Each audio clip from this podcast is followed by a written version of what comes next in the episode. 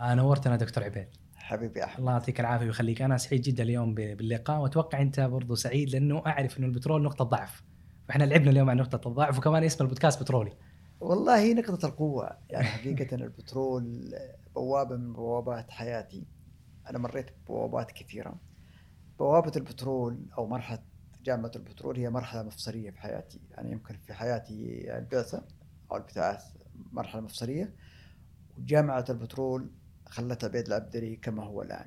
فأنا اليوم سعيد جدا. لما قلت لي أنت عندي بودكاست بترولي ما فكرت. كنت أجيكم. جيتكم صح؟ جيتكم الشرقية ما هو الله يخليك ويكرمك. انت ما شاء الله دخلت البترول 1991 إحنا اليوم 2021 30 سنة. وفي حدث كذا حصل أمس اللي هو حفل وكان صحيح. شرفنا الأمير آه، عبد العزيز بن سلمان. أتوقع كانت في لحظة مميزة لو تحكي لنا كذا تفاصيل والله. شوف علاقتي مع سمو الأمير عبد العزيز بن سلمان قبل ما يصير أو يصبح رئيس مجلس امناء الجامعة. زرته في قصره في الرياض قبل سنوات كثيرة قبل حتى ما يكون وزير. ف أنا أعرفه هو ما يعرفني بس يمكن سوى هو سيرش لما جاء قبل ما أجي فقال لي أنت من التابعين. قلت كيف طال عمرك أنا من التابعين؟ قال إحنا في البتروليين. أو هو يسمي نفسه مافيا البتروليين.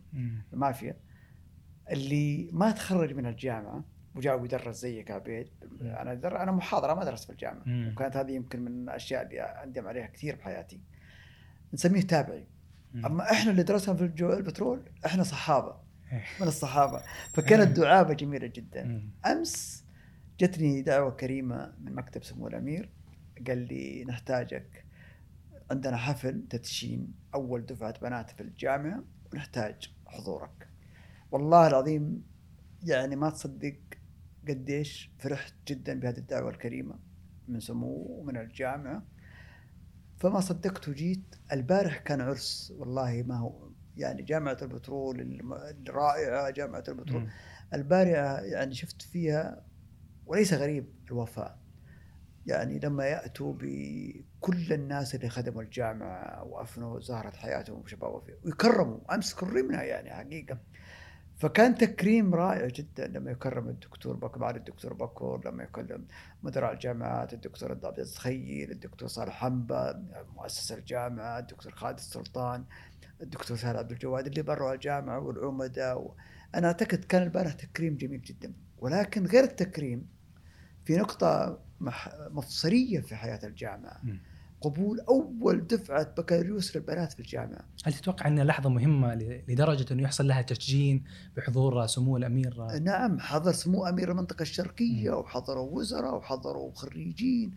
يعني حقيقة أمس أنا 30 زي يمكن مو 30 يمكن صار في الجامعة وأعرفها طوبة طوبة الجامعة. مم. ما كان يعني يخطر في بالنا إنه بيفتح مجال لأن كنا نقول الجامعة هي للرجال مصنع الرجال فقط. اليوم الجامعة للجميع البنات المؤهلات والطلاب المؤهلين لهم دور في الجامعة. فالبارح حتى الأمير سمو الأمير يعني بكى في كلمته يعني كانت آه. كلمة مؤثرة جدا. قال بفضل الله ثم فضل رؤية 2030 وقيادة الملك. الله يحفظه وقياده سمو الأمير محمد الله يحفظه. خلت مكنت أن نكون البارح في مكان واحد للأبناء للطلاب للطالبات. فكان أعتقد كانت لحظة مفصلية في تاريخ الجامعة. فالبارح فعلا كانت مرحلة ستؤرخ للجامعة من البارح ان اليوم أصبحت مفتوحة للجنسين بدون أي تفرقة. دخول البنات يعني أنا شعرت إنه الموضوع بالنسبة لك شخصيا مهم.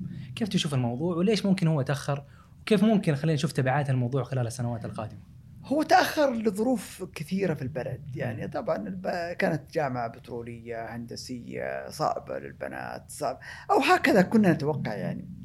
بس لا اليوم مع الرؤيا البنات الآن قبلوا أمس ألقت كلمة بنت من البنات وكلمه أخرى ولد من الأولاد. فأصبح المجتمع طبيعي. يعني أنا. أعتقد إنه كنا عندنا تخوفات فيها باذهاننا ما لها حقيقة اليوم. اليوم الوضع الحمد لله في جامعة البترول. كيف توصف الوضع؟ أنا؟ أوصف والله بالرائع حقيقه البارح يعني كل طوبة في الجامعة كل طوبة. مبسوطة. أنا مبسوط منها. يعني أنا لي ذكريات. أنا اليوم الجامعة يا أحمد والله كنت أعرف كل سكان الجامعة تقريبا أولادهم بناتهم. اليوم عيالهم ما شاء كنت العبهم كوره في الجامعة.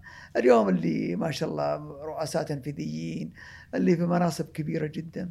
تخيل يا أحمد لما تترك الجامعة عشر سنين ما تجيها. وفجأة تم- تمر على في مبنى 24 ويجيك العامل النظافة يسلم عليك ويذكرك بالخير أوه. هذه لها معنى كبير جدا. دائما الجامعات وخصوصا جامعاتنا صغيرة ما هي جامعة كبيرة مترابطين متحابين نعرف بعض مشاكلنا مع بعض أفراحنا مع بعض أتراحنا مع بعض فجامعه البترول جامعة أعتقد إنها جامعة نخبوية رائعة جدا.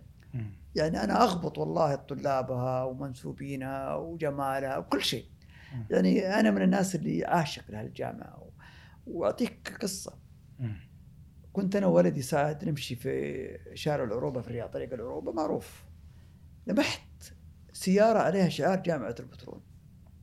صدقني لا شعوريا. لحقت السيارة وأضرب لهم بواري إلين وقفوا. أطالع فعلا سياره الجامعة يا شباب تفضلوا عندي على العشاء يفتح الواحد الشباك ويطلع علي دكتور عبيد كيف حالك؟ فالعشق في الجامعة يعني. لها لها ذكريات جميلة إي الله يعطيك العافية أنا أعرف إنه في علاقة كذا شخصية بينك وبين الأمير عبد العزيز بن سلمان أتوقع كذا في قصص وفي حكاوي برضو لو تحكينا أكثر عنها أنا قلت لك إنه لما قال لي أنت من التابعين. وأنت وإحنا من الصحابة الأمير يعني أنا فرحت جدا لما استقلت الجامعة. و... ولما عرفت إن الأمير عبد العزيز طبعا الأمير عبد العزيز خريج من خريج طلاب الجامعة وتوظف في الجامعة واشتغل كم سنة في الجامعة.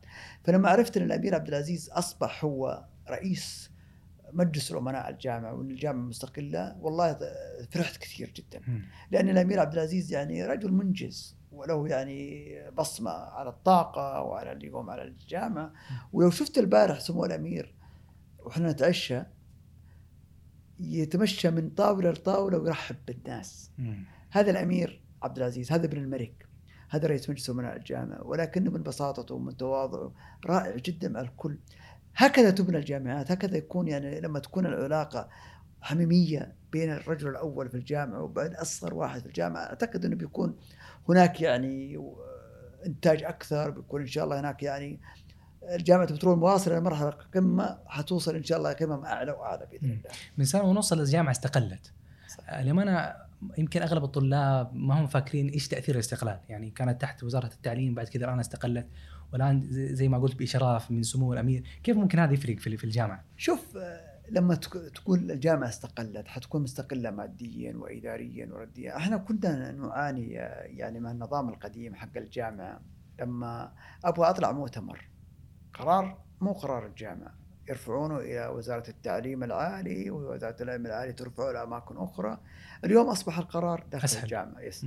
اليوم لما كنا نبغى نوظف نوظف يعني برواتب محددة من وزارة التعليم العالي لا نستطيع أن نخرج عن نظام التعليم الجامعي. اليوم الجامعة عندها الميزانية وعندها القدرة أنها تتفاوض مع أي بروفيسور في العالم. فاليوم أشياء كثيرة، اليوم حتى المحاضرين لما كنا نبغى نجيب محاضرين لازم يكون عندنا إجراءات و procedure خارج الجامعة، اليوم كلها بتكون في الجامعة. مم. فأتمنى يا طبعا إلى الآن الجامعة لم تستقل 100% اليوم يحتاج الجامعة شغل كبير جدا يحتاجون تواصل مع الطلاب يحتاجون تطمين للدكاترة يعني اليوم الجامعة ما زالت لم تقم تقم بالواجب اللي يجب عليها القيام به لأنهم مشغولين في أشياء أخرى اليوم طمنوا الناس طمنوا الطلاب إيش إيش بيكون الوضع. اليوم جزء من استقلالية الجامعة هو قبول الطالبات اليوم في. في الجامعة. فكانت هذه الأشياء يعني أعتقد إنه استقلالية الجامعة بتكون إن شاء الله في صالحها. ما شاء الله إحنا اليوم يعني قلت تأثير رؤية 2030 كان لها دخول أو تأثير كبير على يعني مثلا دخول الطالبات للجامعة الاستقلال للجامعة.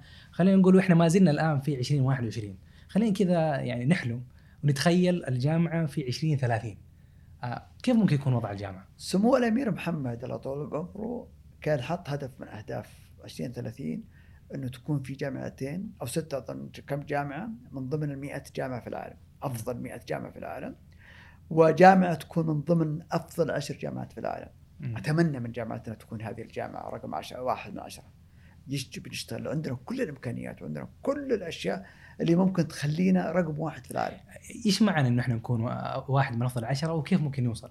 يعني. ممكن توصل من خلال الأبحاث من خلال السمعه الأكاديمية من خلال نوعية طلابك من خلال نوعية الأساتذة هذا واحد. مم.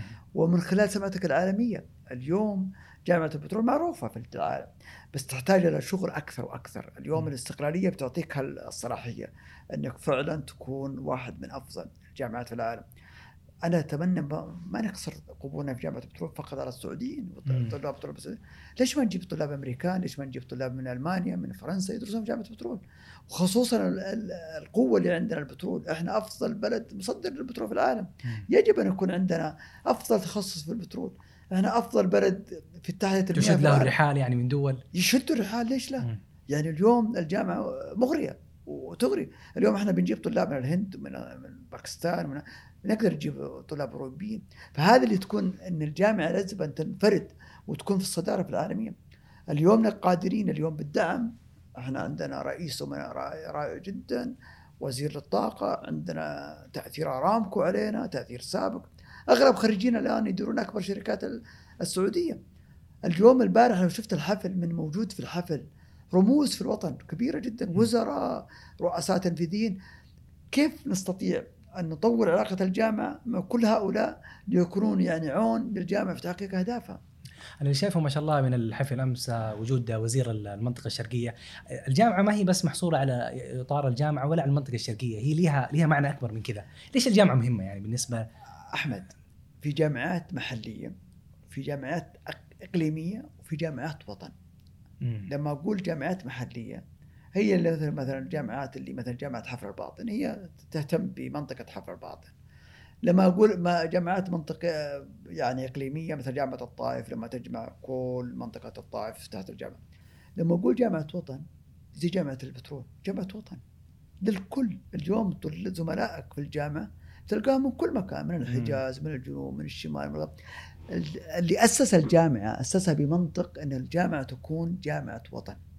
أيامنا كنا طبعا هذا في الثمانينات في التسعينات كنا نزور المدارس في كل مناطق المملكة. مم. نروح النجران نروح الجازان ونعرف إيش هي جامعة البترول. نجي في ثالث ثانوي قبل تخرج الط- الطلاب بترم ونقول لهم يا جماعة إحنا جامعة البترول عندنا واحد عندنا اثنين عندنا ثلاثة. فهذا جاب لك طلاب من كل مناطق المملكة. إحنا تقريبا الجامعة الوحيدة اللي عندنا سكن يستوعب كل طلاب الجامعة. كان شرط من شروط الجامعة أن الطالب يمضي سنواته في داخل الهرم الجامعي. من الجامعات الأخرى في الرياض مثلا على جامعة ال... يأخذ محاضرته ويمشي يروح بيته. مم. أنت اليوم تأخذ محاضرتك وتروح سكن الطلاب. كيف ممكن هذا يفرق على تجربة الطالب الجامعي؟ لما يكون هو ساكن طبعا داخل. فرق كبير يا أحمد. اليوم ليش عند طلاب جامعة البترول ولاء عالي جدا؟ لأنه سكن تقريبا أربع خمس سنوات هو في داخل الجامعة. نادر ما تلقى واحد ساكن برا الجامعة. واللي نادر ساكن في برا الجامعة تلقى حتى عقليته مختلفة عن الطالب داخل الجامعة. اليوم لما تكون الحرم الأكاديمي في النص سكن الطلاب في الجهة الثانية وسكن الدكاترة في الجهة الثانية لما تقابل أستاذك أي وقت في مكتبه لما تروح انت ال- النادي الأندية ترى شيء كبير جدا. هذه ال community حقت الجامعة هي اللي تخلي الولاء عند الطلاب.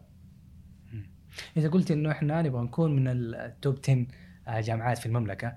أتوقع في معايير كثيرة. من أبرز المعايير هي تسويق الجامعة لنفسها. وأنت ما شاء الله تس- أستاذ في التسويق. كيف تشوف تسويق الجامعة؟ هل الجامعة مقصرة؟ هل الجامعة اداء. كويس في التسويق لا لا كثير. يعني حقيقة الجامعة وهذه يعني عتب عليهم مقصرين من حياتهم من التواصل مع الخريجين. كان مم. التواصل من أول أفضل من خلال مكتب الخريجين. كيف كان التواصل أول؟ كانوا بيكلموك كانوا بيرسلوا لك إيميل كانوا بيدعوك كان عندنا اللي نسميها تجمعات دفعة. كل. كل دفعة مثلا 72 82 92 يتجمعوا مع بعض. فكانت الجامعة تشجع بطريقة مباشرة وغير مباشرة. اليوم قلت هذه. اليوم أنا أعتقد أنه المنافسه قوية. آه، يعني اليوم كنا إحنا كجامعة البترول يعني يمكن زي المفتح في في في ناس في ديرة العميان. اليوم لا في منافسة. اليوم في جامعات جميلة في السعودية بتعطي يعني تعليم جيد. فاليوم يجب على الجامعة أن تهتم أول شيء بالتسويق داخل منظومتها طلابها منسوبينها دكاترتها وتعزز ثقافة الولاء والولاء للجامعة والمحبة وبعدين تخرج على المجتمع الثاني لطلابك فين راحوا الطلاب؟ يتذكر أيامنا كنا نتابع إذا أحمد عطار تخرج عام 2092 بعد أربع سنوات نكلمك يا أحمد فينك الآن؟ أنا والله في شارك سابق ترقيت ولا ما ترقيت؟ إذا ما ترقيت خلال أربع سنوات خمس سنوات من العمل عندك عندنا مشكلة إحنا جامعة وانت ليش ما ترقيت؟ ليش الطلاب الآخرين يترقون وأنت ما تترقى؟ هذه كان عندنا الإحساس والمحبة ونسأل. اليوم نحتاج نعيد ونتفاعل مكتب الخريجين. ولو الومناي أوفيس يكون عنده شغال. لاستقطاب أفضل العقول سواء طلاب أو دكاترة. واليوم عندك الإمكانيات. عندي الرحلات الدولية يمكن سمعتوا فيها كنا نودي يعني الجامعة ترسل طلابها للعالم ما زالت موجودة بس يمكن ما هي بالفعالية اللي. كانت موجودة وأتمنى إنها تكون أكثر وأكثر بدل ما نودي 10 طلاب 100 طالب نودي أكثر عدد ممكن من الطلاب فهذه الأشياء اللي تخلي العالم ينفتح ويعرفك السعودية. المشاركة في المؤتمرات يعني أتذكر أيامنا كان الدكتور مطالب إنه يشارك في السنة بمؤتمرين. واحد حضور واحد مشاركة. مم. اليوم لما طالب أستاذ الجامعة يروح لمؤتمر عالمي ويتكلم بيعطي سمعة للجامعة. التسويق مهم يا أحمد. هل من الأشياء اللي اضعفت التسويق للجامعة هي وجودها في المنطقة الشرقية يمكن بعدها عن الرياض؟ الرياض يعني الآن ما شاء الله صار فيها أعمال صار فيها تجارة. آه، هل الموقع كان له تأثير كذا على صية الجامعة؟ كان ممكن يكون صيته أعلى؟ ولا والله شوف خليني أخش الحقيقة. أنا قلت لمعالي الدكتور خالد السلطان. من شافك اللي في الظلام تغمز. إحنا مشكلتنا موقعنا جامعه أي. البترول. أوه. يعني أقول جامعة البترول الجامعة الصح في المكان المكان الخطأ. أي. طبعا مع احترامي الشديد للمنطقه الشرقية كمنطقة مهمة. بس يمكن لو ما كنا في المنطقة الشرقية في هذا ال- البعد الجغرافي كان ممكن ما نتميز. طبعا الله رزقنا بجامعة البترول إن كان في مدراء أقوياء. إحنا الجامعة الوحيدة اللي عدد طلابها لا يتعدى 10000 طالب. ترى هذه ميزة. ما هي موجودة في جامعة لا. يتعدى تقصد لا يتعدى 10000 طالب بحكم النظام.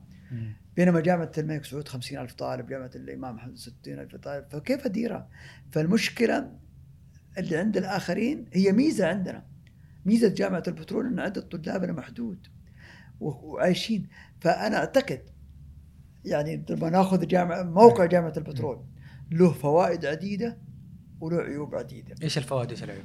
الفوائد انه يكون منطقة محكومة الطلاب ساكنين داخل الحرم الجامعي التفاعل يكون كبير جدا الولاء يرتفع الطلاب مركزين على أشغالهم. يعني لو تأخذ ال drop out حقنا الجامعات جامعه بترول من أقل drop out. يعني نسبة drop out في الجامعات السعودية يمكن 50% توصل. إيش أقصد ب drop out إنه يخش الجامعة ولا يستطيع أن يكمل بعد سنة سنتين بعد خمس سنوات فيطلع برا. فالجامعة البترول أقل هذه. هذه هذه ميزة كذا آه، ميزة انك قريب من ارامكو قريب من سابك عفوا من الشركات الصناعية الكبيرة. العيب انها ما هي قريبة على المجتمع. يعني اليوم عندنا في فجوة ترى. كل جامعة يجب ان يعني أنا دائما أنادي بجامعة بلا أسوار. يعني اليوم الأسوار حول الجامعة تقبلها أكثر. فاليوم التوجه العالمي إنه يكون عندي جامعة بلا اسوار أقدر واحد أي واحد يقدر يخش اي واحد يقدر يخرج من الجامعة. فهذه أعتقد إنه اللي العيوب اللي في الجامعة. ولما تكون قريبة من صناع القرار بعد ترى مهمة الرياض يعني منطقة مهمة جدا. وأنادي الآن من خلال البودكاست إنه يكون عندنا مكتب تمثيل للجامعة في الرياض. هل ممكن يكون في فرع للجامعة أو على الأقل مواد إدارة مثلا أنا أعتقد معينة؟ ما نحتاج فروع بقدر ما نحتاج مكتب تمثيل أو تسويق لجامعة البترول في الرياض. إيش ممكن يكون دوره؟ دوره يربط الجامعة بأبحاث الجامعة بالإندستري اللي موجود في الرياض بحث عن فرص لخريجين الجامعة التواصل مع خريجين الجامعة كل ما كنت دائما في العالم حتى في الشركات الأمريكية دائما لهم مكاتب تمثيل في واشنطن في العاصمة هم اللي يسوون لوبينج اللي قرارات الجامعة هم يسوون أشياء كثيرة فأنا أعتقد أتمنى يكون عندنا حقيقة مكتب اللي يمثل الجامعة هناك. أتوقع إن برضو يمكن آه، كون الجامعة محصورة كذا وزي ما قلت فيها أسوار ومقفله بعض الطلاب كان يجلس ترى أسابيع إلى شهور ما يطلع من من سكن من حرم الجامعة. أتوقع ده أثر على شخصيته. شوف. آه يلقى طلاب البترول مع- معتزلين كذا ليهم طابع مختلف ليهم طريقة مختلفة. هو شوف أنا أعتقد اليوم التوجه يجب يكون عندي انفتاح أعلى وأعلى. مم. اليوم الانغلاق لا يمكن يطلع لي شخصية آه، جيدة. طلاب البترول اللي جيدين اللي هم اشتغلوا في العمل التطوعي في الأندية الطلابية وكانوا منفتحين على المجتمع أما الطلاب اللي انغلقوا على نفسهم حيبقوا دائما في مصانعهم ما حد يعرفهم. فأعتقد مهم جدا للطلاب في الجامعة وأنا أعتقد هذه من الأشياء اللي جامعة البترول غرستها في الطلاب هو الاعتمادية على النفس المهارات السكيلز اللي الجامعة تقدمها لهم. الأندية الطلابية العمل التطوعي. دائما طالب البترول معروف. والله إنك تعرفه من ألف واحد. عنده يعني شغف وهذا مهم جدا.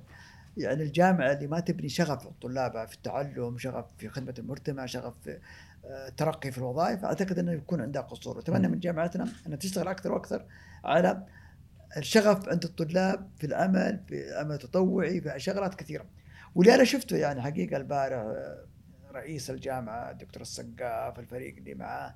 عندهم شغف حقيقة وشغف وتغير كبير جدا ويبغوا ينفتحوا أكثر وأكثر على المرتبة. طيب قبل ما نكمل حلقتنا خلونا نتعرف أكثر على منجز. آه إذا كنت طالب أو طالبة في الجامعة وحاب تكتشف نفسك أكثر وتطور مهاراتك بحيث ترفع من فرصك في سوق العمل وفي نفس الوقت تزيد من دخلك. لكن ما أنت عارف كيف الحل عند منجز اللي توفر لك فرصة العمل المرن بالساعة شيك على الرابط والوصف واحصل على مزيد من التفاصيل والمعلومات آه ما شاء الله لك يمكن وقت طويل الآن في الحلقة وأنت تتكلم على تميز الجامعة ومميزات الجامعة.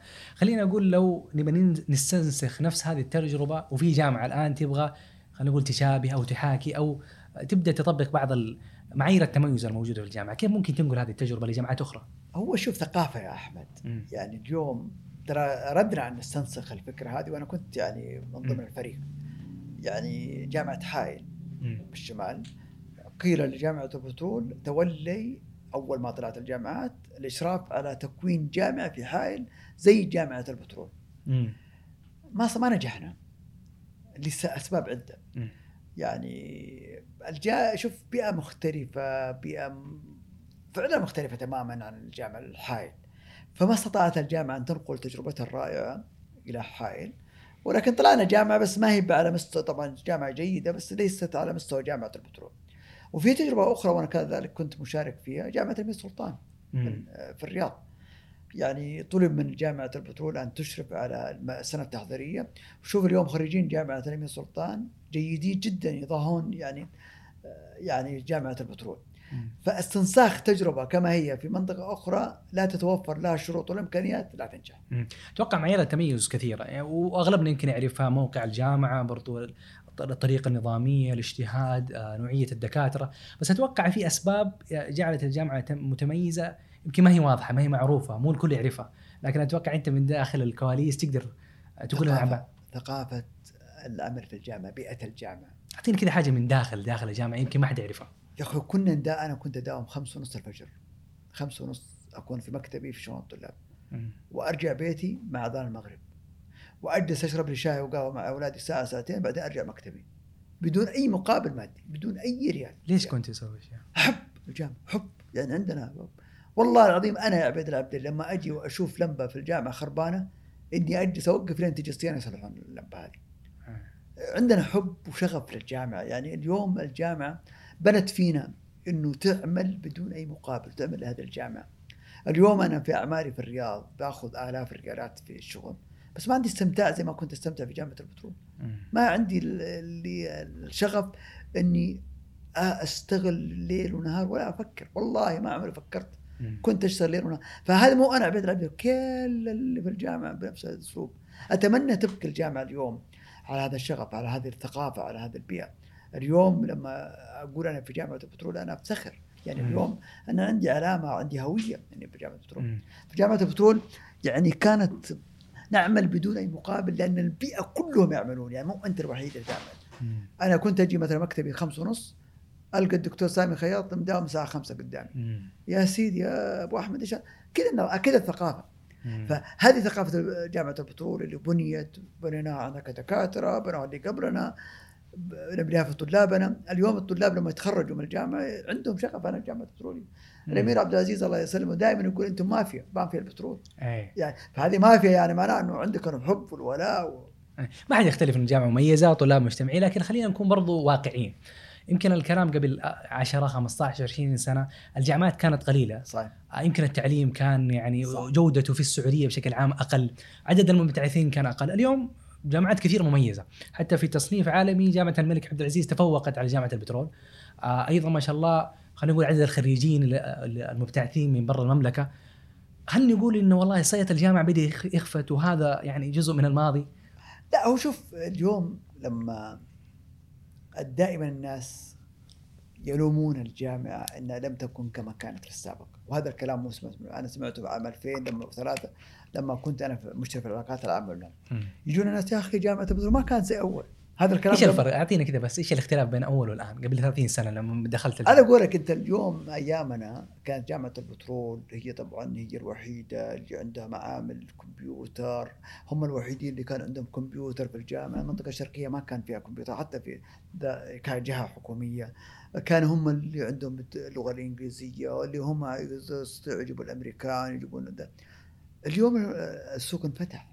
اليوم قبل 20 سنة غير اليوم، اليوم شبابنا حتى هم جالس في غرفته في السكن ولا كذا بيطلع على أفضل الممارسات في العالم. فهو توقعات الناس زادت. يعني من اول كانت توقعاتنا قليلة اليوم زادت. فالجامعة البترول اليوم تنافس محليا وتنافس عالميا. يجب أن تنافس محليا يجب تنافس عالميا. يجب أن تثبت وجودها. اليوم ما كل شيء يقال يصدق اليوم التصريفات اللي اليوم تقول جامعة الملك عبد العزيز أصبحت الأولى وجامعة البترول تاخرت وش السبب؟ هل التصنيفات مثلا اللي إحنا اليوم هي فعلا معيار لجودة مخرجات الجامعة أو موجود؟ جودة مخرجات الجامعة اللي أنا أراها الآن ما هو بالتصنيفات اللي توضع بقدر ما هي وين خريجينك الآن وأثرهم في المجتمع. كأنك تقول ان جامعة البترول فوق المقاييس يعني ولا لا لا لا, لا جامعة البترول زيها زي أي جامعة أخرى. مم. فيها انخفاض وفيها انحدار وفيها ارتفاع. أتمنى يعني الجامعة يعني لما يجيني مثلا تصنيف مثلا وجامعه البترول في رقم اثنين. معناته في مشكلة؟ لازم أرفع التحذيرات. وين المشكلة؟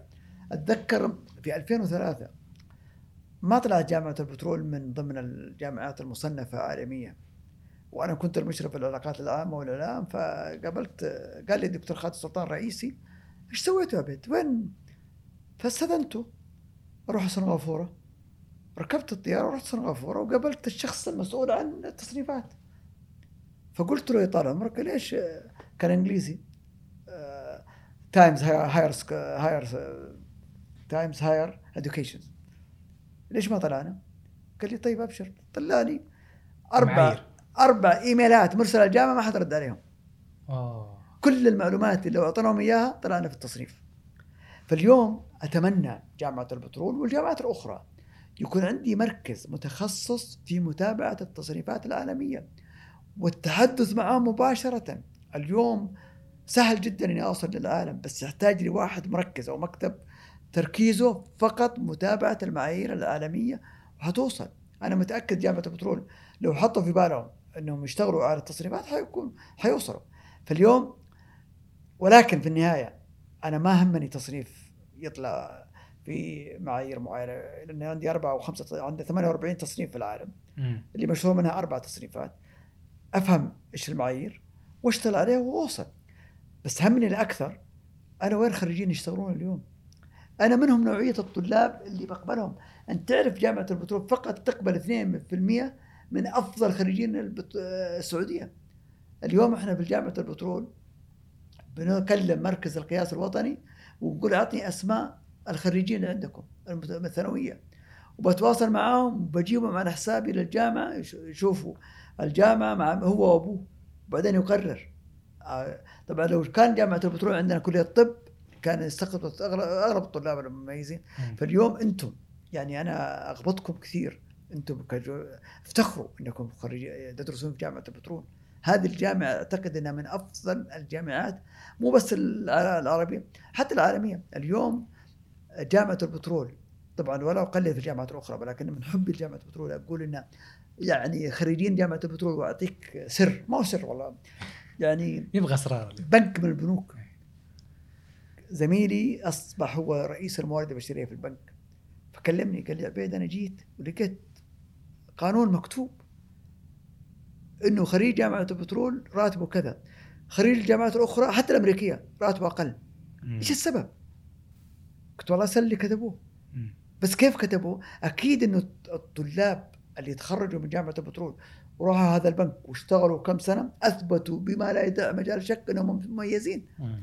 فلذلك أصبحوا خريج جامعة البترول له تصنيف غير الآخرين أتمنى إن الجامعة تستمر على هذا أتمنى إن الجامعة تشتغل اليوم لو كنت أنا مسؤول في الجامعة رحت تواصلت مع كل الشركات قلت اعطونا الخريجين اللي عندكم اللي تخرجوا واشتغلوا عندكم وشوف مستواهم. زي ما قلت لك إذا أربع سنوات ما أخذت لك ترقية وزميلك من جامعة أخرى أخذ ترقية اذا عندي أنا مشكلة لسه الجامعة مو أنت عندي مشكلة الجامعة. لازم أرجع وأشوف برامجي ومناهجي وأغيرها تخطيط. ما شاء الله أنت دكتور عبيد مشهور يمكن بأكثر من حاجة، الجامعة جزء من هويتك، واتوقع برضو التسويق جزء من، خلينا كذا نروح لضفة التسويق شوية.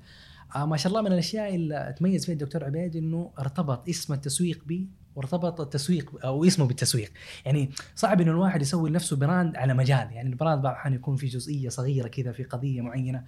خليني أسألك كيف قدرت ما شاء الله تبني brand التسويق حولك دكتور؟ أحمد 1990 أخذت ماجستير في الإعلان.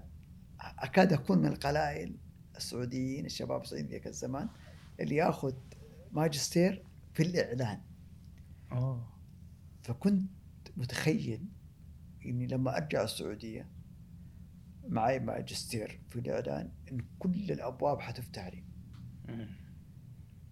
49 شركة ولا شركة قبلت إنها توظفني بالتسويق لأنه ما يحتاجون حاجة اسمها تسويق. لأنه كل البلد كل اللي تنتجه تبيعه بدون أي خطة تسويقية.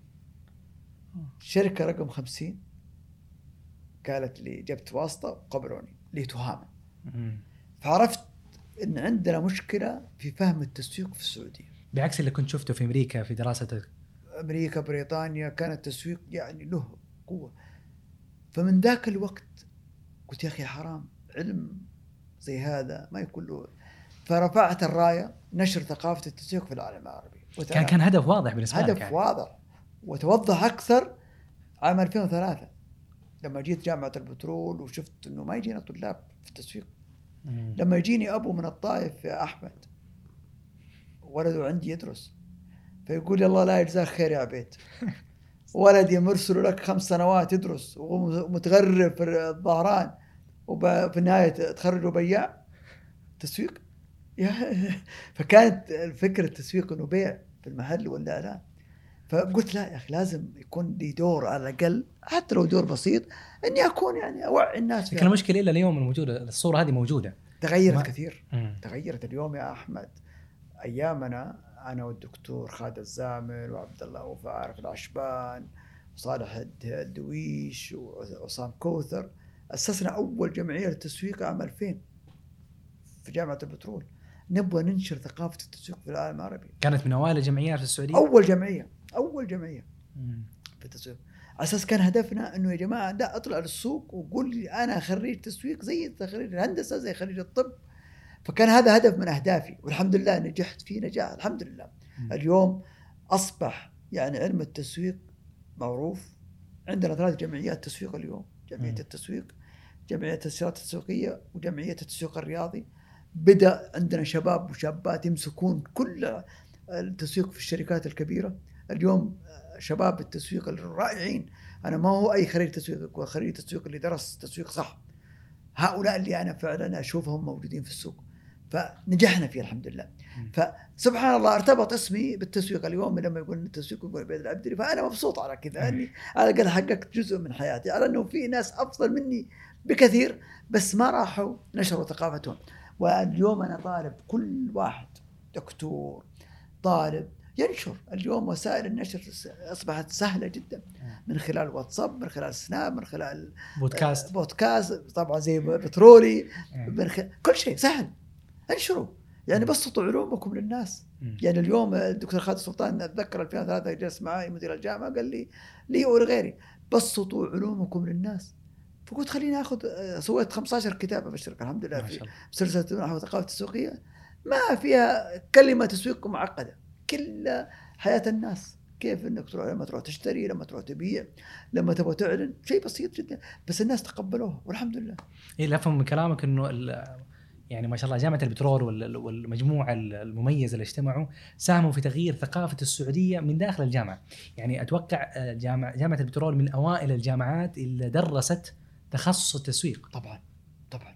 في 86 آه، 86. أول جامعة؟ أول جامعة تعطي بكالوريوس تسويق. جامعة البترول. لها فضل كبير في التسويق. كانت مؤمنة بالتسويق و... كانت مؤمنة جدا بالتسويق. أي. وأساس كذا كانت كلية الاداره الصناعيه والآن تغيرت اليوم كلية آه، الأعمال. كان من أوائل الكليات في المملكة العربية السعودية التسويق وما هو تسويق تسويق صح. مم. يعني كنا ندرس باللغة الإنجليزية كان عندنا دكاترة أمريكان وأوروبيين ومن دول العالم المختلف وسعوديين.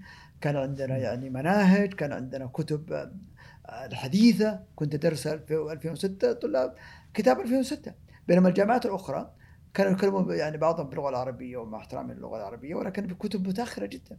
فلا جامعه البترول لها فضل كبير. أنا أتوقع ما في أحد يختلف عن أهمية التسويق بالذات في عصر ال social media والإعلام. لكن أتوقع إنه كثير عنده مشكلة في تخصص التسويق. إنه فكرة إنه أنا أدرس بكالوريوس في التسويق. يقول لك التسويق مهارة البيع مهارة. أنا ممكن يكون تخصص هندسة واتخرج بمميزات المهندس وفرص المهندس وأضيف مهارة التسويق اللي ممكن تساعدني. واقع أتوقع أنت أقرب كثير لواقع التسويق اللي بي يعني بيمسكوا مناصب كبيرة. آه، تسويقية هم مهندسين وليس خريجين آه، بكالوريوس تسويق. أنا زرت جامعة الأمريكية بالقاهرة. هذا كلام يمكن 2000 قبل 2000 وجلست مع عميد كلية البزنس. في الجامعة الأمريكية بالقاهرة. فأعطاني معلومة كنت أتمنى تطبيقها في جامعه البترول. قال لي إحنا لا نقبل أي طالب. يحول عندنا في التسويق إلا إذا كان معدله 3.75 out of 4 لا نقبل إلا الطلاب المميزين لأنه حيشتغل تسويق في شغلة مهمة جدا. التسويق نحتاجه للدولة نحتاجه في المدن نحتاجه في الصناعة نحتاجه في كل شيء. فكيف تخلي أي واحد يمسك التسويق؟ هذا واحد. كان عندنا مشكلة في الكلية إنه ما يجينا طلاب يجينا الطلاب المحولين من ال- الكليات الأخرى. dropper يعني ما ما شاء. فوالله يمكن كنت أروح للسنة التحضيرية تحت وآخذ الكوب الشاي معي وآخذ اللابتوب وأحط لوحة مكتوب ورايا تسويق. وخلي الطلاب أحاول أسوق تخصص التسويق لطلاب السنة التحضيرية. انه تعالوا إيش التسويق؟ ما ما ف... أقول تعال احضر عندي محاضرة. هذا رقم مكتبي وهذه وقت المحاضرة. تعال أحضر محاضرة. إذا ما عجبتك المحاضرة أمشي. فنحتاج تسويق للتسويق يعني اليوم. اليوم التسويق ترك لأي واحد يعمل تسويق ولذلك نشوف بعض الكوارث في الشركات. ولكنه اؤيد طبعا لما يجيني مهندس كذلك ويتحول لتخصص تسويق خير وبركة لأنه يكون عنده خلف بس خريج التسويق واليوم أنا يمكن قلت أحمد قبل شوي في السيارة لما يجيني خريج تسويق ويقول لي أنا أبحث عن وظيفة ما وجدت وظيفة أنت ما درست تسويق. إذا لم تسوق لنفسك بالطريقة الصح لن تسوق لأي واحد. فيجب أن نأخذ علم التسويق كعلم له يعني أصوله وله مهاراته أمريكا ما تفوقت على العالم بالصناعات الحربية إلا بالتسويق.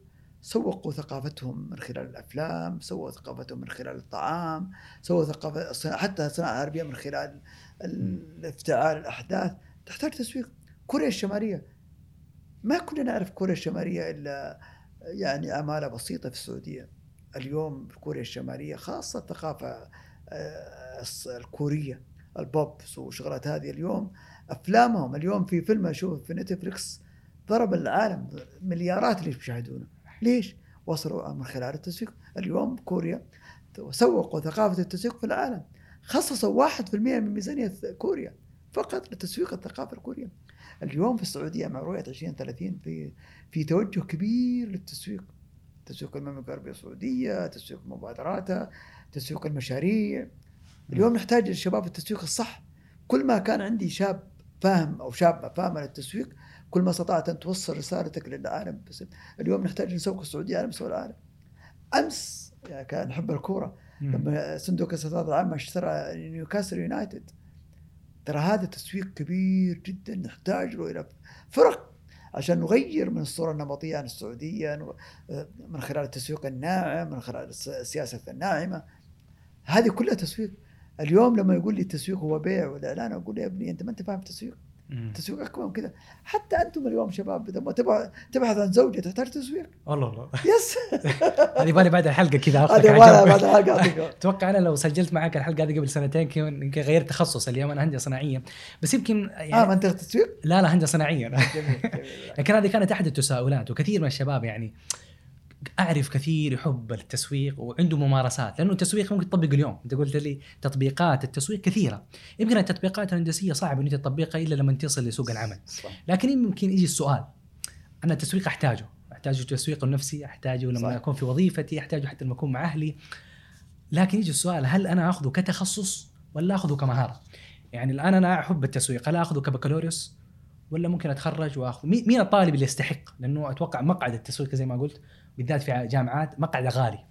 مين الطالب اللي يستحق هذا المقعد؟ الطالب اللي عنده مهارات معينة أهم مهارة في المسوق أن يكون صاحب ذو إقناع يقنع الناس الآخرين متحدث لبق يتعامل مع الناس بلطف هذه مهارة جدا غير مهارات اللغة ومهارات التوا... بس مهارات التواصل مهمة جدا. مم. اليوم رئيس سابق مثلا ما يعرف صناعة البتروكيماويات أكثر من واحد عامل في المصنع يعرف أنا. بس يعرف يتعامل مع الناس أكثر من اللي. في المصنع فدائما المسوق الجيد هو اللي يكون عنده تواصل جيد مع الناس الآخرين. واحد. 85% من نجاحات في الأعمال اللي الناس اللي عندهم تعامل واحد. اثنين مهارات الإقناع. يجب أن يكون تكون مقنع في مهارتك. ثلاثة ما- خدمة الآخرين. المسوق اللي ما يكون عنده رغبة أن يخدم الآخرين لن ينجح.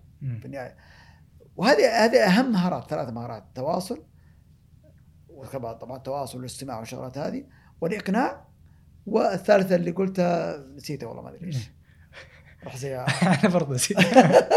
لكن اللي فهمته انه هي كلها ثلاثة فكرة إنه شخص عنده تواصل جيد مع الناس أحب خدمة الآخرين حب أحب خدمة الآخرين مم. بس أحسها برضه مواصفات عامة يعني يمكن كثير من الشباب عندهم موجودة الصفات. هذه هذه لكن- لا بل... اليوم أحمد. أبغى صفه يكون من الصعب إنه واحد يرفض التسويق. يعني مثلا يعني بعض الطلاب ما شاء الله عنده كذا مهارة تحليلية يعني خارقة. أقول يا ولدي أنت ماث فيزياء هندسة. أنا أبغى الصفة المميزة هو. المقاومه الشخصيه يعني ما في صفة معينة في المسوق أكثر مما قلت شخصيته اللي متمثلة في تواصله في إقناعه في حبه لخدمه الآخرين. وطبعا والمعرفة طبعا إحنا دائما نقول في المسوق إنه مباحث واستخبارات شغله إذا أنت يعني في النهاية ما عرفت إيش آه، منافسك يسوي إيش عميلك يبغى إيش آه، وين توجه السوق وين. فما حتنجح. فدائما خلي آذانك مفتوحة عيونك مفتوحة للسوق لأنه الفرص تأتي في بسرعة. ممكن تأخذ فرصة وطبعا إحنا دائما نقول علم التسويق هو علم سد الفجوات. اليوم في فجوة عند المستهلك في ناحيه معينة كيف المسوق الناجح اللي يكتشف هذه الفجوة ويحاول يأتي منتجه وخدمته لتسد هذه الرغبة والحاجة عند. المستهلك. احد مواصفات تخصص التسويق إنه سريع متجدد يعني ممكن في ستة شهور في آب جديد يطلع يغير شكل السوق خليني أقول لك لكن المشكلة إنه التسويق داخل الجامعة بطيء جدا يعني اللي أعرف حسب معلوماتي إنه أحد ال- خلينا نقول المواد أو ال- الدبلومات الم- المعروفة واللي ليها طلب كبير في السوق اللي هو ال digital marketing لا يدرس في في تخصص التسويق في الجامعة كيف كذا تقدر تقيم لنا تخصص. التسويق هو تخصص التسويق يكون يجب أن يكون مرن، ما تدرسه اليوم قد تتغير تدريسه بكرة وفي قناعات كثيرة، فاليوم digital marketing ضمن الأدوات ال tools اللي مم. يستخدموها في التسويق، إحنا من الأول كنا نستخدم التلفزيون والصحافة والصحافه انتهت الآن. لا تدرس الأدوات هذه المبادئ هو اللي يفترض أن تدرس بس في النهاية أنا بدرس أساسيات التسويق. التطبيقات ممكن تتغير يعني ما ممكن بس ولا يمنع إن الجامعة تحط يعني دورات، تحط دبلومات، تحط أشياء. الأستاذ اللي ما هو متجدد يعني اليوم الأستاذ اللي ما هو متجدد وأنا قلت يمكن دائما إني لما أدرس تسويق يجب أن لا أدرس النظرية فقط أدرس النظرية وأربطها بالواقع. اليوم الطالب لما ادرسه التسعير مثلا في جزء من التسويق يجب إن لما يروح للسوبر ماركت يقول هذا المنتج مسعر ب 10 ريال و99 هلا والدكتور قال لي التسعير النفسي. أبو لما أحط 99 معناه انه إنه أقل من واحد. لما حطيت واحد آه، نفس. فهنا يبدا يربط الطالب ودائما يناقش ليش هذا السعر. أنا كنت لما ادرس في جامعة البترول كنت أدرس مثلا مادة خدمة العملاء. مستحيل يمر علي محاضره محاضرة. ما أجيب مثال من الواقع. أختلق المثال واجيب للطلاب. يعني مثلا مرة كنت في ماكدونالدز.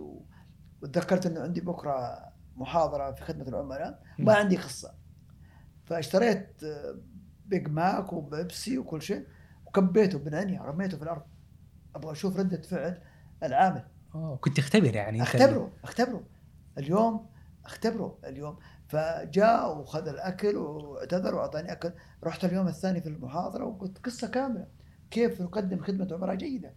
فهنا السؤال لما يجيني أستاذ متجدد ويجيب كل يوم أفكار يجيب كل يوم ويعني كل شهر أجيب له مثلا ضيف من الإندستري خليه يتكلم. هنا السؤال إنك تربط هذا تخصص التسويق يجب أن يدرس هكذا. ما هو يعني محاسب مثلا يعني آه، نظريات وخلاص. لا اربطوا كل شيء بالواقع. خلي الطالب له بكرة تعال بعني القلم هذا بعني المرسمة هذه بعني السيارة هذه. هنا خلي الطلاب يتجددون. وهذا اللي أعتقد تميز جامعة البترول. وتخصص جامعة التسويق وجامعه البترول عن بعض الجامعات الأخرى. إيش اللي تميز؟ ما ربطه بالواقع. أها. ربطه بالمصانع ربطه بالتجار. يعني جامعة البترول كانت تجيب لنا ثلاثة دكاترة part timers. من ال industry يدرسوا معنا. فلما تخ... أنت كأستاذ تجلس معه لما طالب يسمع منه ترى فيها فائدة كبيرة جدا. مم. طيب الله يعطيك العافية. أنا أبغى أسمع كذا جزئيات آه، أرجع للسؤال الأول إنه كيف الدكتور عبيد سوق لنفسه في التسويق. آه، اليوم الطالب يدخل يعني فكرة ال brand الشخصي أحد الأشياء اللي يمكن بدأت تظهر في الفترة هذه الأخيرة. أتوقع الطالب أول ما يدخل الجامعة ويمكن أحد أهدافه لدخول البترول هو تقوية أو خلينا نقول زيادة ال brand حقه كيف يكون brand. قوي. كيف ممكن الطالب يفكر بعقلية إنه أنا منتج أو خلينا نقول أنا brand؟ ومن أول يوم أنا أدخل فيه الجامعة أبدأ أطور ال brand هذا حقي. شوف تسويق الذات مهم جدا. إني كيف. إذا عرفت من هو جمهور المستهدف أنا عبيد العبدلي لما فكرت إني أسوق نفسي فكرت أسوق نفسي لطلاب العلم الناس اللي مهتمين بالتسويق في السعوديه وكان عندي وسيلة ذيك الأيام أنا يمكن من أوائل الناس اللي دخل في تويتر في السعودية عام 2008 دوب أي. تويتر داخل. فقمت قلت خليني كل تغريداتي اليوم لو تشوف تغريداتي يمكن 80% منها التسويق. تعريف الناس بالتسويق قصص تسويقية هذا فكنت من هذه الناحية سوقت نفسي أو خليته نفسي إنه شخصية في التسويق. فاليوم ربط اسم عبيد العبدي بال- بالتسويق وهذا شيء أنا أفتخر فيه. وفي ناس ربطوا نفسهم بالشعر في ناس ربطوا بالهندسة في ناس ربطوا بالأدب. فأعتقد اليوم مهم جدا. اليوم أنا أقول لكل طلابي وكل الناس اللي يسمعوني سيرتك الذاتية ليس ما تكتبه على ورق. سيرتك الذاتية ما تكتبه في وسائل التواصل الاجتماعي. مم. اليوم يا أحمد كل شيء بتكتبه في التواصل الاجتماعي سيكون محفوظ مؤرشف. حيرجعوا له شركات بكرة لما تبغى تقدم على الشركة الفلانية أول ما يضربوك يقول اعطنا وسائل التواصل الاجتماعي حقتك. حيخشوا حيحللوها حيشوفوا إيش كتبت حيعرفوا شخصيتك. كلمني قاضي من المنطقة الشرقية قبل كم سنة. عبيد؟ قلت نعم. قال لي أبغى أسألك عن فلان. من. طلابك في جامعة يصير لك كثير أتوقع. كيف؟ أقول لك يصير لك كثير إنه أشخاص يسألوك يعني. اي هذا سألني الشيخ. قال لي فلان من طلابك في جامعة البترول لما سألته من طلاب من أساتذتك في جامعة البترول قال عبد العبدي فاتصلت عليك. يبغى يتزوج بنتي. إيش رأيك فيه؟ قلت والله أنا درسته قبل خمس سنوات. ما أدري يعني الآن تغير. بس لي نصيحة هذا التويتر account حقه ابحثوا عنه خلاص. فاليوم أنت كطالب أول شيء اللي تكتبه في وسائل التواصل الاجتماعي والثاني والأهم من شهادتك ومعدلك العمل التطوعي. العمل الجزئي اللي بتشتغله في الشركات. كل ما كان عندك عمل جزئي وعمل تطوعي وشفت سيرتك الذاتية؟ اليوم إحنا في شركات 30 ثانية بعطي سيره ذاتيه لما أشوفها. بس لما أشوف في عمل تطوعي وأنت في داخل الجامعة وعمل في ماكدونالدز في ستاربكس لا هذا. عنده شيء. أتوقع احد مشاكل ال brand إنه الواحد يقول يا جماعة الخير يمكن كذا بلخص ال brand بشكل كويس. أنا مهتم بالمجال هذا وأنا بتكلم في المجال هذا. وهذا اللي أنت سويته أول في 2008 في تويتر ويمكن ساعد هذا على انتشارك. لكن يمكن طالب جامعة إلى الآن هو أصلا ما هو ناضج. يعني ما في تخصص يقدر يقول يعرف الناس به فممكن تنقل الشخص يعني احس ال brand ممكن تكون مرحلة متأخرة شوية لأنه الشخص ما حدد توجهه بس بالضبط. أنصحه من من أول يوم في الجامعة إنه يخش في الأندية الطلابية. ترى الأندية الطلابية ما وضعت في الجامعة فقط كزينه ولا كديكور. الأندية الطلابية وضع لها أهداف لها آه، جروبات يعني في لها يعني أهداف جميلة جدا. فأنصح كل طالب يخش النادي اللي في تخصصه أو حتى في الأندية اللي ما في تخصص فمهم جدا إنه يبني من الان هذا واحد. اثنين يكون علاقته بين الطلاب اليوم زملائك في الجامعة مم. هم بكرة زملائك في ال industry. اليوم انت تتخرج تشتغل في ذا وفلان فلان. فهذه مهمة جدا. اليوم كيف أكون صداقات وكيف أكون علاقات أستفيد منها بعد التخرج الجامعة؟ أحلى أيامكم يا ترى الجامعة طلاب الجامعة. صح عندكم اختبارات وعندكم quizzes وعندكم majors وتعبان. بس صدقني هذه ولا تجي 1% من مشاكل ال industry لما تطلع بكرة. مم. تقول يا زين الجامعة وزين أيام الجامعة. الصداقات اللي في الجامعة هي اللي تبقى واللي بتفيدك بعدين. ما شاء الله الدكتور اللي أعرفه منك إنه من السهوله من السهولة إنه طالب يوصل لك. يعني مع انك ما شاء الله عضو مجلس سابق آه، مجلس شورى سابق وترأس شركات ومستشار في يعني خلينا نقول شركات كبيرة وجامعات تطلبك آه، وأماكن كثيرة تطلبك لكن طلابك ليهم خلينا خصوصية خاصة. أنا تواصلي معاه كان بسيط جدا يعني وردك وتفاعلك على الواتساب سريع. آه، أحس إنه أنت كذا في أشياء كثيرة قلت لها لا وقلت لطلابك نعم. آه، إيش سر التواصل هذا وحبك لطلابك؟ عندي إيمان تام يا أحمد. وهذا والله من 1991 أول محاضرة وقفت فيها قدام طلاب. استشعرت إن الطلاب هؤلاء هم قادة المستقبل هم الوزراء هم رؤساء تنفيذيين للشركات وكنت أتعامل معهم بهذا المنطق. ما هو طالب عندي اليوم هو طالب لا. هذا الطالب بعد 10 سنوات 20 سنة سيكون له شان في هذا البلد. فكنت أتعامل معه من هذه الناحية. اثنين كنت أتعامل مع الطلاب اللي أمامي في في الجامعة. والله كأني أنا الأب ومسؤول عنهم. على أني ذيك الأيام لما كنت أدرسهم ما كان عندي أولاد في أعمارهم. بس كنت أستشعر شعور الوالد الوالدة لما ابنه يأتي من تبوك يأتي من منطقة غريبة وفي جامعة بعيدة. كيف شعور الوالدين عن ابنهم فكنت دائما قريب من الطلاب. حتى إني كان مكتبي في مبنى 24 معروف. كنت حاط عندي كنباية خضراء وحاط ساعات office hours مو طلابي الأكاديمية office hours للسماع من الطلاب مشاكلهم أي مشكلة فيه. فكانوا يجوني ويجلسوا معاي وندردش ونسولف. اسمع بس منهم بس ما تشوف إنه هذا ما هو دور الدكتور. يعني الدكتور في الأخير يمكن في مركز إرشاد طلابي في مركز نفسي. الدكتور يجي في مادة في محاضرة في سيلبس موجود يغطي يقفل مادته. ما كنت أنظر لهذا النظر. بالعكس كنت أفرح لما يأتيني طالب يقول عندي مشكلة.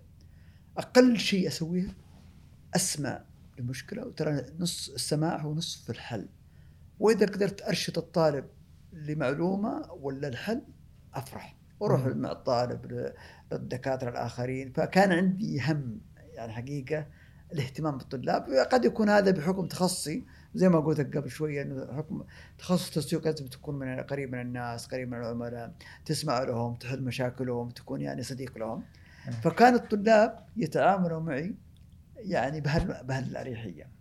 كنت طبعا أيامنا قبل ما يكون فيه آه، تويتر وأشياء أقول للطلاب يا جماعة اللي الليلة فاضي نروح نتقهوى أنا وياه في الخبر.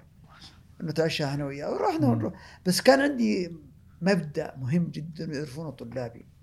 لو رحت معايا 24 ساعة في أي مكان وأنا وياك أصدقاء طول الليل والنهار لما تجي قاعة المحاضرات شيء آخر. الدرجات شيء آخر. لا ما في تعب فأنا دائما فلسفتي أطلب من الطالب اكاديميا الحد الأقصى واعطه على الجانب الاجتماعي كل ما يريد. فكان هذه فلسفتي.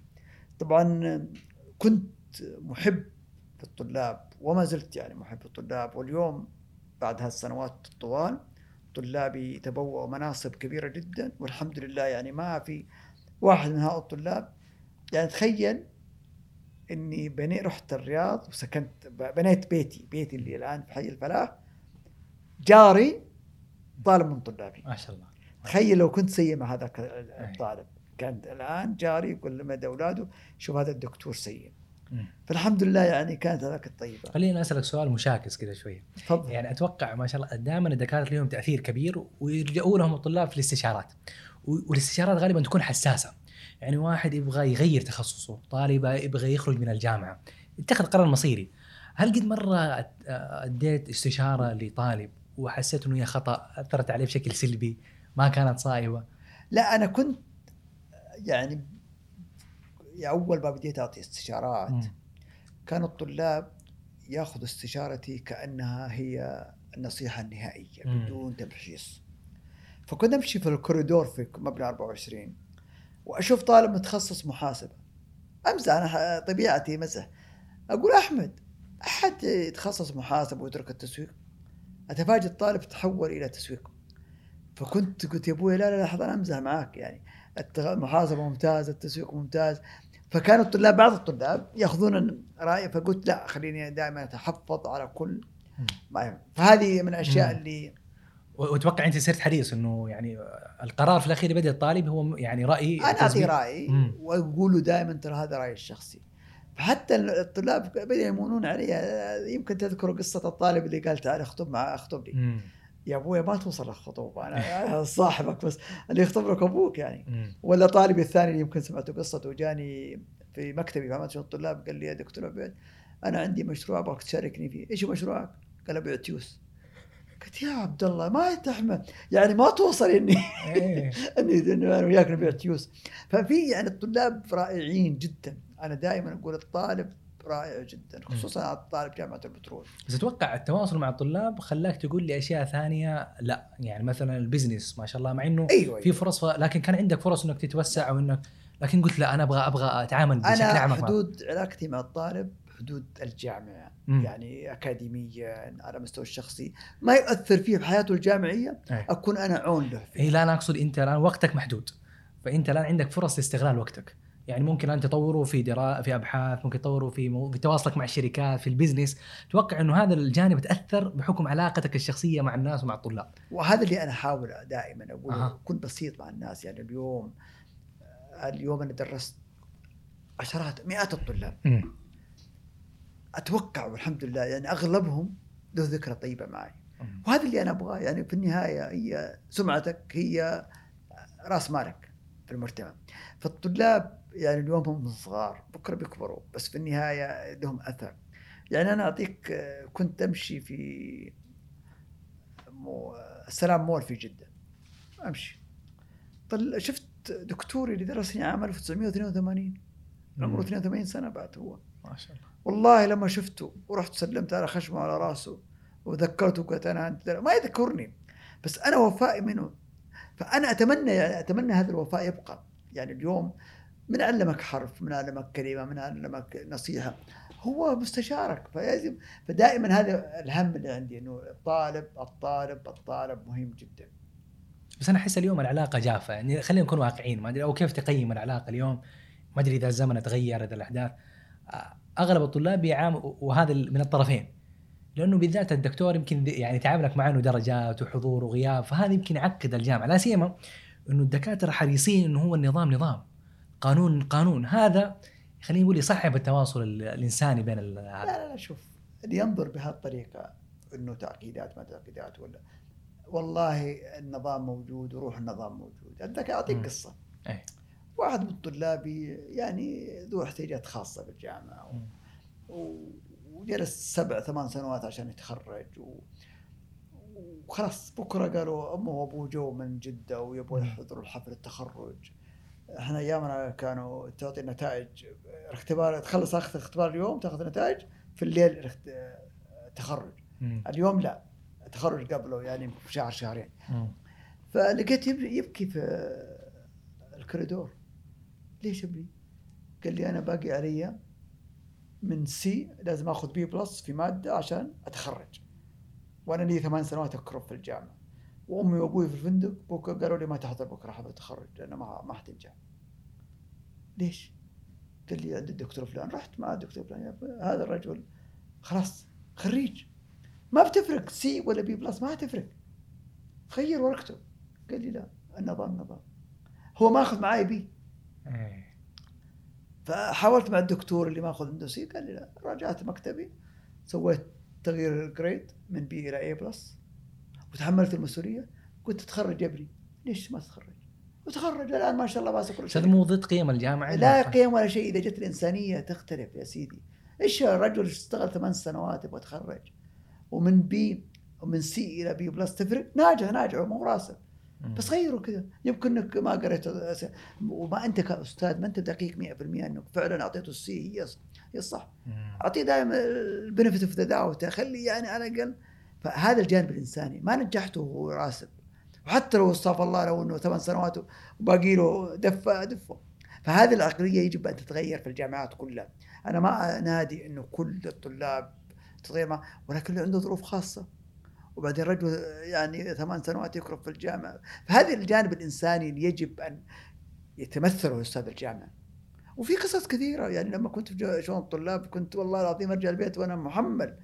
بالهموم والمشاكل الطلاب قلب الطالب المفصول تخيل واحد ينفصل بعد خمس سنوات دراسة في الجامعة يقول له مع السلامة. يا أخي وحتى دبلوم ما يعطوه. يعني طبعا أنا قدمت استقالتي من شؤون الطلاب من كثر ما أسمع من مشاكل من كثر ما كل يوم يجيني مشاكل مشاكل. كانت تأثر على حياتك الشخصية؟ طبعا. أنا ما كنت يعني أنا شخصيتي ليست حامي نظام. أنا أساعد الطلاب بس أنا قدمت استقالتي للدكتور الخياط وقابلها مدير الجامعة بعدين. ما أقدر. اليوم لما يجيني طالب يبغى سكن في الجامعة وعندي متوفر سكن بس يقول لك نظام السكن القديم إنه لازم يكون 60 كيلو عن مقر الجامعة عشان يسكن. وعندي سكن. ليش ما أعطيه؟ هو عنده ظروفه. فهذه من الأشياء اللي يعني حقيقة كنت ضدها في. الجامعة. تخيل يوم كلمني مدير الإسكان. الله يرحمه ويسكنه في جناته قال لي طبعا بحكم إني أنا وكيل شؤون الطلاب ماسك الإسكان. إنه ما يفتحوا غرفة طالب إلا بعد إذني مم. عندنا اللجنه ويمكن ما أدري اليوم عندكم ما هي موجودة ما هي موجودة ما. أدري فقال لي جاتني إخبارية إنه في طالب راسم صورة بنت خلف سريره وصورة فاضحة مم. قلت له هذا ابن الذين إلا جيبوه طلعوا له بعد المغرب بس لا تروح الآن تروح له بعد المغرب عشان الطالب موجود وصوروه وهذا يفصل من الجامعة راح من عندي مدير إسكان دقيت على رقم الطالب قلت له معك عبد العبد شو طلاب. فلان قال لي نعم قلت غرفتك كذا قال نعم قلت شفت الصورة اللي ورا سريرك روح مسحها الآن ترى بيجوك اليوم بعد المغرب. يا فراح. الصباح ما كلمني مدير الإسكان كلمه. آه فين آه، تقرير الطالب هذا الطالب مسح الصورة. قلت ما في مسح الصورة أنت اليوم اتهمت الطالب أنت مسؤول. فهنا يبغى يروح النظام كن كريم الطالب. هذا أنا متأكد الطالب اليوم لو مسكوه بذاك الجرم ممكن يسووا له تأديب يمكن يوقفونه عن الدراسة يمكن يعقدونه في حياته. فأنت كمسؤول يجب أن تكون بهذه الأريحية. هل الجامعة مفرطة في تطبيق النظام؟ خلينا نقول إيه يمكن انت حاله ما شاء الله وكيل شؤون طلاب في مرحلة من المراحل. ودكتور في مادة في تخصص. خلينا ناخذ الطابع العام للجامعة. هذه يمكن سمعة موجودة في الجامعة. الج- أتوقع أتوقع إن شاء الله إنه في ناس خيرين كثير. مم. وما في أحد ولد وأنا متأكد. إنه دكتور ولا مسؤول يبغى يضر الطالب. لأنه بيتعامل مع الطالب كأبنه. بس يمكن يقرص على اذنه شوية. يمكن يأدبه شوي. قد يكون طريقتي أنا صح وقد تكون خطأ في عرف بعض الناس. بس أنا دائما مع الطالب وخاصة في مرحلة ما دام دوبه يعني في هذا العمر يحتاج له إلى دعم أكثر من عقاب يعني تشوف اللين تأثيره أكثر بكثير من طبعا بكثير بكثير. يا أخي اللين ما دخل في شيء إلا زانه. يعني ممكن تكون ممكن أكون قاسي ومعي النظام ممكن أفصل ممكن أك... مكس- بس تعي... تحط أحمد عمرك هذا ولدك. هل بتسوي له زي كذا؟ ولا بتراعيه؟ دائما دائما. كمسوقين أقول حط العميل حط مكان نفسك مكان العميل وحط أستاذ حط نفسك مكان أبو الطالب اللي هو قدامك. تعامل مع الطالب كأنه ابنك. خليني أسأل هل ممكن الدكتور يرجع الجامعة؟ يرجع يرجع. بالعكس في ناس وصلوا وزراء وفي النهاية يرجعوا أفضل آه، غازي قصيب الله يرحمه آه. كان يقول أفضل وظيفة في العالم هو أستاذ الجامعة مم. أستاذ الجامعة والله أنا شوف اليوم اشتغلت في الشورى اشتغلت في الجامعات مختلفة اشتغلت في شركات أفضل وظيفة أفضل وظيفة أستاذ الجامعة مم. لأنك تشتغل في إنتاج العقول مو إنتاج آه، منتجات إنتاج العقول تخيل لما يكون عندك طالب أربع سنوات يسمع منك وتؤثر عليه وتغير قراراته ويعجب في شخصيتك وبعدين يطلع في المجتمع ممتاز بالعكس وهنا يجي السؤال ليش الدكتور خرج وإذا ممكن يرجع ولا يعني خرج الاسباب يعني مم. اليوم حالة أستاذ الجامعة المالية ليس اضل ما يرام. يعني نحتاج أنا خرجت لأن راتبي ما يكفي ما يكفيني يعني بمعنى صح. لو كان راتبي في جامعة البترول يكفيني ما خرجت بقيت في جامعة البترول أتقاعد. فطبعا اليوم جزء من كثير دكاتره يخرجوا ويشوفوا فرص ثانية بسبب. إذا تأخذ في جامعة البترول مثلا 15000 ريال تأخذ برا 100000 ريال منطقيا ما حتجلس في الجامعة مم. بس لو وصلوا الجامعة مثلا إلى 40000 ريال ممكن ما تطلع ب 100000 ريال هل في مسؤولية على الجامعات إنه هي تحفز ال- ال- الدكاترة المميزين انهم يعني كيف ممكن يستقطب من جد دكاترة كويسين ويحافظ عليهم؟ هو هذا طبعا بأول تمكين الأستاذ من إعطاء الحرية الأكاديمية. عدم. التدخل في عمله عدم تعقيده. آه، تمكينه من حضور المؤتمرات والورش العمل. تمكينه من جذب الأساتذة اللي بيدرسون في مادته. ما عنده ليش نحط عليه يعني قيود. قوانين وقيود؟ ما يحتاج. اليوم يعني أفضل العقول يعني هم اللي يجب أن يكونوا في الجامعات وهذا اللي نحرص عليهم. وخلي الجامعة أستاذ الجامعة اعطوا فرصة إنه يشتغل في القطاع الخاص ويرجع يدرس عندك. يعني اليوم أنا أتمنى مع نظام الجامعات الجديد هذه الأشياء كلها حتكون في يعني من ضمن التغييرات اللي بتصير. حتكون يتوقع نظام الجامعات الجديد يختلف شو يعني طبعاً، أكيد. إيش ممكن يختلف ال- يختلف أول شيء إعطاء الحرية للجامعة إنها توظف نفس الجامعة نفس الكيان. الجامعة تعطي الحرية إنه توظف من تريد. بالراتب اللي تحدده تحط معايير القبول والشروط تحط الحريه الأكاديمية للطلاب الموظفين الاكاديميين هذا اللي يفترض. ولذا نفس النظام القديم زي النظام الجديد ما استفدنا شيء بس إلى اليوم ما زلنا نشوف إنه خلينا نتكلم طالب بترول أو أي طالب يعني بالذات إذا طالب في تخصصات إدارية أو في تخصصات هندسية انه هو يكون معيد أو أستاذ جامعي يمكن هذه الرغبة الثالثة أو الرابعة أو ما البيئة الجامعية أو الأكاديمية ما هي بيئة محفزة إنه طالب يكمل فيها ترى ليش؟ ما هي بيئة محفزة ماديا اليوم لما تعين معيد في الجامعة ب 5800 ريال. بينما يتخرج الموظف هذا ب 15000 ريال في في جامعة أخرى وخلال 10 سنوات حيطلع راتبه فوق ليش معيد؟ اليوم عندنا معاناة في جامعة البترول أعتقد أيامنا إن ما نستطيع أن نقنع الطلاب المميزين يجلسون معيدين. نجيب من برا الجامعة فأعتقد إنه يجب أن يتغير النظام اليوم الرواتب اللي تعطى لأساتذة الجامعات قليلة طبعا مم. قبل كم مده غيروها وطوروها وكانت جميلة وجيدة الآن بدأ يقلصونها. فأعتقد عشان تكون عندك إنتاجية طيبة ونرجع لسؤالنا الأول. عشان نكون جامعة مميزة في العالم يجب أن يكون عندي سلم رواتب مغري. الجامعي السعودي وغير السعودي. وهذه نقطة أخرى إنه لا نحصر كل أساتذة الجامعة سعوديين التعليم لا جنسيه له.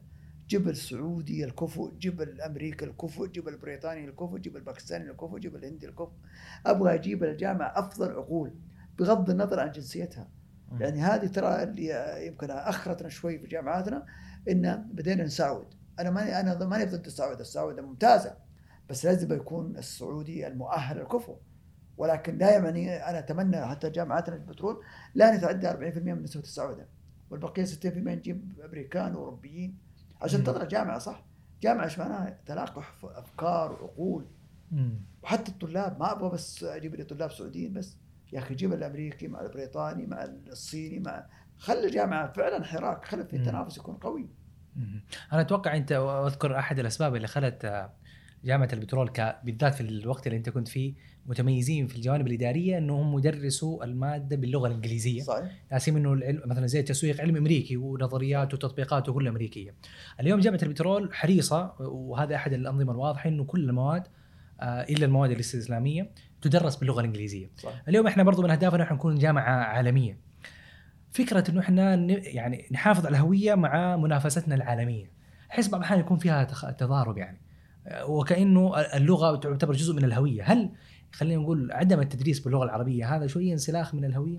لا ما أعتقد يعني اليوم لما يكون معلش أقاطعك لما يكون الدكتور كل ال- الطلاب موجودين في اللغة طلاب عرب والدكتور عربي وسعودي. قبل ال class يتكلموا بالعربي وبعد ال class يتكلموا بالعربي أول ما يدخلوا الكلاس آه، منظر غريب شوي. لا شوف اليوم إذا ننظر إلى الهدف ماذا نريد لماذا ندرس باللغة الإنجليزية في جامعة البترول إذا الهدف إن نخرج جيل ينافس على سوق العالم. وقبل يمكن شهر أطلق سمو الأمير محمد الله يحفظه برنامج تنمية القدرات البشرية وقال نبغى المواطن السعودي يكون منافس عالميا في أي عالم. اليوم عشان تكون منافس عالميا وأكون حقيقي معك إذا ما عندك لغة عربية مت... لغة إنجليزية متمكن منها ما أعتقد إنك حتكون منافسة عالمية، اللغة هي لغة هي وعاء عشان توصل رسالتك. فأعتقد اللغة الإنجليزية مهمة جدا جدا. اليوم في الوصول للعالمية والتنافس العالمي وتحقيق رؤية 2030 ولكن لا يعني إنك تتكلم إنجليزي ان انسرخت من لغتك العربية. أنت وصلت لعمر 18 سنة لغتك العربية ممتازة في مجالات أخرى. بس في التدريس في المادة هذه تكون باللغة الإنجليزية ليش لا؟ ماني ضد اللغة العربية بالعكس ولكن هل أستطيع أن يكون محتواي أو خريجي باللغة العربية على مستوى خريج جامعة البترول باللغة الإنجليزية؟ ما أعتقد لأنه اليوم عندنا جامعات كثيرة أنا بشوفها وبجلس وأنا مستشار في بعض كليات الأعمال. أشوف اللغة العربية خريجينها ضعيفين جدا. أول شيء مراجع اللغة وخصوصا تسويق اللغة الإنجليزية. حتى لو ترجمت بشكل سريع. حتى لو ت... ما في. أنا شفت كل الكتب المترجمة باللغة الإنجليزية عندنا في اشكاليه أو معظمها بمعنى صح في عندنا اشكاليه فاللغة لغة التسويق هي لغة إنجليزية. إذا لم نجيدها ونحسنها والخريج اليوم اللي ما يتكلم اللغة الإنجليزية حتكون فرص المنافسة فيه ضعيفة. فلا يعني نكون نحط من هذه هويتنا وما هويتنا، إذا استطعنا أن نعطي جودة برامج باللغة العربية خير وبركة، بس ما استطعنا. يا أخي كيف ممكن المحتوى العربي التسويقي ينافس المحتوى؟ ما تقدر اليوم عندنا اسوء وظيفة وظيفة الناشر اللي بيكتب كتب، أنا كتبت 15 كتاب. أنا اللي بوديها المصنع وأنا عند الموزع وأنا بوديها المستودع. متعب عشان أسوي كتاب. متعب. ما ما له مردود مالي. ما له مردود مالي. فليش أنا أتعب نفسي في كتاب؟ أسوي لي بحث وأترقى فيه. أما كتاب ما يرقيك. صناعة غير ناضجة ولا محفزة. صناعة ضعيفة. صناعة نشر الكتاب صناعة ضعيفة جدا. فهذا اللي أنا أقول لك اليوم أنا ما همني الوعاء أو اللغة أو همني إنه فعلا يكون خريج منافس عالميا. أنت برضه تكلمت أنا في عن موضوع تنمية البرنامج تنمية الموارد البشرية تنمية القدرات البشرية. القدرات البشرية. برضه تكلمنا عنه أكثر وكيف ممكن يساعد إنه يخرج من مخرجات قوية. تنمية القدرات البشرية إنه كيف أستطيع أن اصقل المواطن السعودي ليكون عملة مطلوبة في سوق العالم في المنافسة. أيوه. سوق العالمي لا نختلف سوق العالم. اليوم لما اليوم الهندي أو الفلبيني ذولا مطلوبين في سوق العالم لأن عندهم مهارات. الامريكي مطلوب في سوق العالم لأنه عنده مهارات.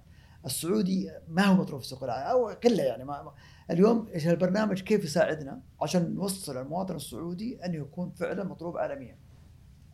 فاليوم اي بي سي لازم التعليم يكون فعلا قوي سواء التعليم قبل الابتدائي الابتدائي المتوسط الثانوي الجامعي حتى إلين آخر العمر. فأعتقد هذا البرنامج من البرامج الرائعة جدا إذا طبق صح حنكون خلال 10 20 سنة إن شاء الله إلى مكان أفضل وأفضل. الله يكرمك ويخليك. وأنا بختم معك بسؤال. إحنا بدأنا بالحفل اللي دشر امس بمناسبة دخول البنات آه، لجامعه واول دفعه بكالوريوس في جامعة البترول. وممكن رسالة توجهها وفي إشكالية نسمع الكلام هذا إنه الهندسة مهنة للرجال. طبيعة عملها، طريقة تفكيرها، حتى جامعة البترول من صعوباتها وتحدياتها وأجواءها هي جامعة آه، خاصة للرجال. اليوم إحنا شفنا قصة مختلفة بس أنا أبغى رسالة ممكن توجهها لهذه الدفعة وللدفعات القادمة. أتوقع هذه الدفعة تكون لها يعني حظوة مميزة في سوق العمل. كيف ممكن الطالبات هذول اليوم يكون لهم تغيير يعني وتأثير كبير؟ بحكم موقعهم والله شوف أول شيء أبارك لهم. يعني حقيقة فتح جامعة البترول لبناتنا وأعتقد إنه هذه يعني خطوة ممتازة جدا. وأنا أول ما فتحوا كتبت تغريدة كان فيها يعني الامبريشن اللي شافوه يمكن 3 مليون شخص فكان الموضوع يعني جيد جدا. جامعة البترول اللي كانت سنوات وعقود. اليوم إحنا بنكمل 60 سنة بعد يمكن سنة من الآن. آه، إنه كانت فقط الشباب للرجال اليوم مفتوحة. الهندسة زيها زي الطب زيها زي أي شيء. يعني ماني شايف في صعوبة. إحنا كان عندنا معتقدات في عقليتنا في مجتمعنا. بس مع الرؤية يعني زي ما قال سمو الأمير عبد العزيز بن سلمان أمس في كلمته الرؤية خلتنا نجتمع اليوم ونحتفل وندشن بناتنا موجودات بكل أدب وبكل احترام. فأعتقد إنه اليوم أعطي فرصة كبيرة جدا لبناتنا إنهم يخشوا جامعة البترول. ويشوف هذه الجامعة اللي فيها حب لها عند الناس ولها قبول عند الجامعات. بس أتمنى إنه يكون فعلا أعطي الفرصة هذه إنهم يكونوا على قد الفرصة يكونوا قد التحدي. ويخرجون بكرة مهندسات رائعات وأقول لهم بناتي لا تخربوا سمعتنا. ترى سمعتنا. جيدة. فيا 60 سنة حافظين عليها. أيوه محافظين على 60 سنة. إيه. ترى إن جاء فيها شيء مسؤوليتكم مسؤوليتكم وإحنا ندور الزلة ترى. الله يعطيك العافية فرصة سعيدة. شكرا لوقتك نورتنا. الله يكرمك. وسهلا. وشكرا لكم على البودكاست الجميل. شكرا لك شكرا لكم مستمعينا ومشاهدينا في كل مكان. والشكر موصول لمستضيفنا في هذا المكان مساحة شارك هب. كان معي من خلف الكاميرات سلمان القحطاني وإشراف آه سلمان خياط. أتمنى نشر هذه الحلقة لكل طالب وطالبة يريدون صناعة مسار مهني عظيم. هذا بودكاست بترولي أحد منتجات إذاعة البترول من النادي الإعلامي بجامعة الملك فهد للبترول والمعادن. نروي كل قصصنا بشغف من مدينة الظهران. نلقاكم.